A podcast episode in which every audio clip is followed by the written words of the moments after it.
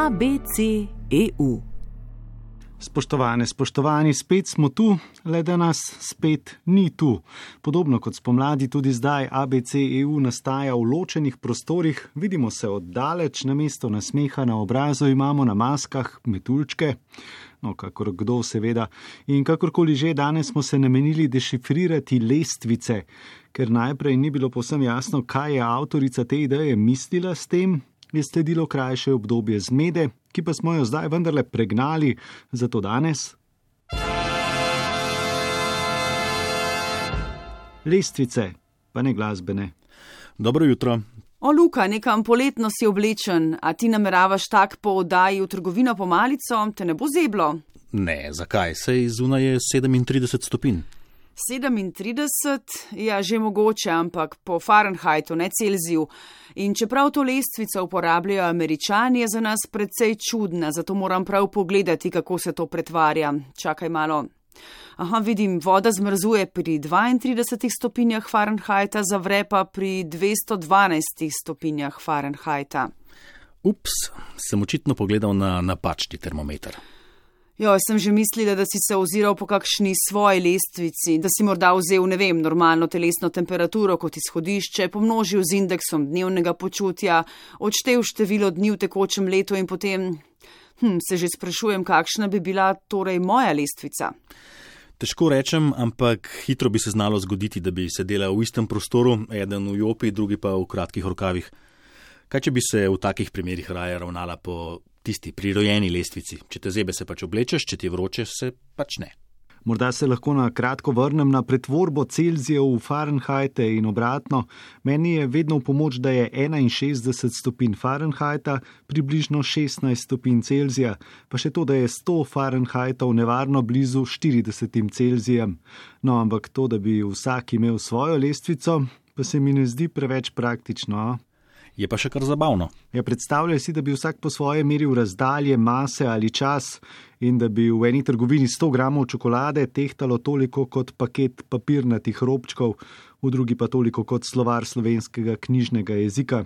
Kam bi prišli? A še vedno govoriš o tisti čokoladi, ki vam je nisem prinesel iz Davosa. Počasi bi že lahko pozabila na njo. Ja, se zdaj si jo ti sam omenil, ampak Matjaš ima prav, nima smisla, da bi nekomu en kilogram pomenil nekaj, drugemu pa nekaj povsem drugega. Ali da bi na vprašanje, kako toplo je zunaj, vsak odgovoril v skladu z neko svojo temperaturno lestvico. In zato obstaja nekaj, čemu rečemo mednarodni sistem enot. Gre za sistem sedmih osnovnih enot. To so enote, ki jih uporabljamo za merjenje dolžine, mase, časa, električnega toka, temperature, svetilnosti in količine snovi druge enote pa so izpeljane iz njih. Naprimer, če ostanemo pri gibanju, hitrost izpeljemo kot odvod dolžine poti po času, pospešek kot drugi odvod in tako naprej. Ampak to so osnovne enote osnovne, kar pa še ne pomeni, da je njihova definicija enostavna. Tudi če je včasih morda bila, ko je naprimer nekje blizu Pariza obstajal prototip kilograma, ki so ga definirali enostavno kot maso enega litra vode, pa definicija metra, ki je prav tako obstajal kot nek prototip, definiran pa je bil kot ena deset milijoninka dolžine krožnega loka na površini Zemlje med njenim polom in ekvatorjem, potegnjenega po povdnevniku skozi Pariz, seveda, ker so to počeli francozi. Danes pa je meter meter opredeljen kot dolžina poti, ki jo prepotuje svetloba v vakumu v času. Danes pa je meter opredeljen kot dolžina poti, ki jo prepotuje svetloba v vakumu v časovnem intervalu ene 299 milijonov 792 458 sekunde. Pri standardizaciji se nismo ustavili pri osnovnih fizikalnih enotah, pač pa je ta pomembna tudi pri čisto vsakdanjih stvarih, kako bi recimo potekal mednarodni železniški promet, če bi imela vsaka država drugačne železnice. Če smem, glede na dostopne podatke, 61 odstotkov svetovnega železniškega omrežja uporablja razmik med tirnicama, ki mu pravijo standardni razmik, to je 1,435 metra. To je vse skupaj 720 tisoč km tračnic. Ja, očitno smeš, vsekakor zanimiv podatek, ne bi pa rad našteval še preostalih razmikov, ker jih je kar nekaj. Ne, res ni treba.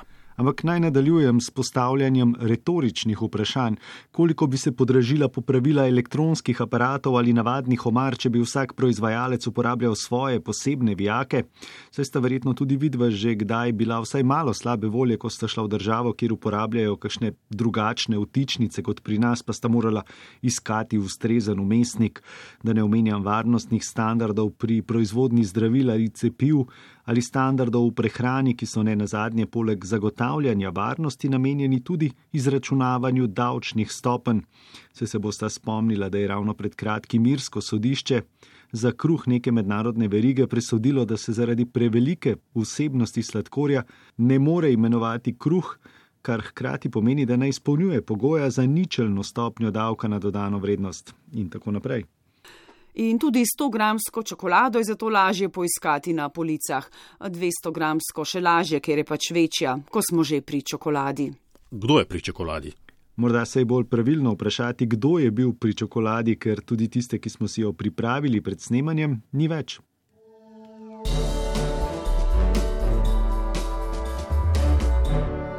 ABC EU.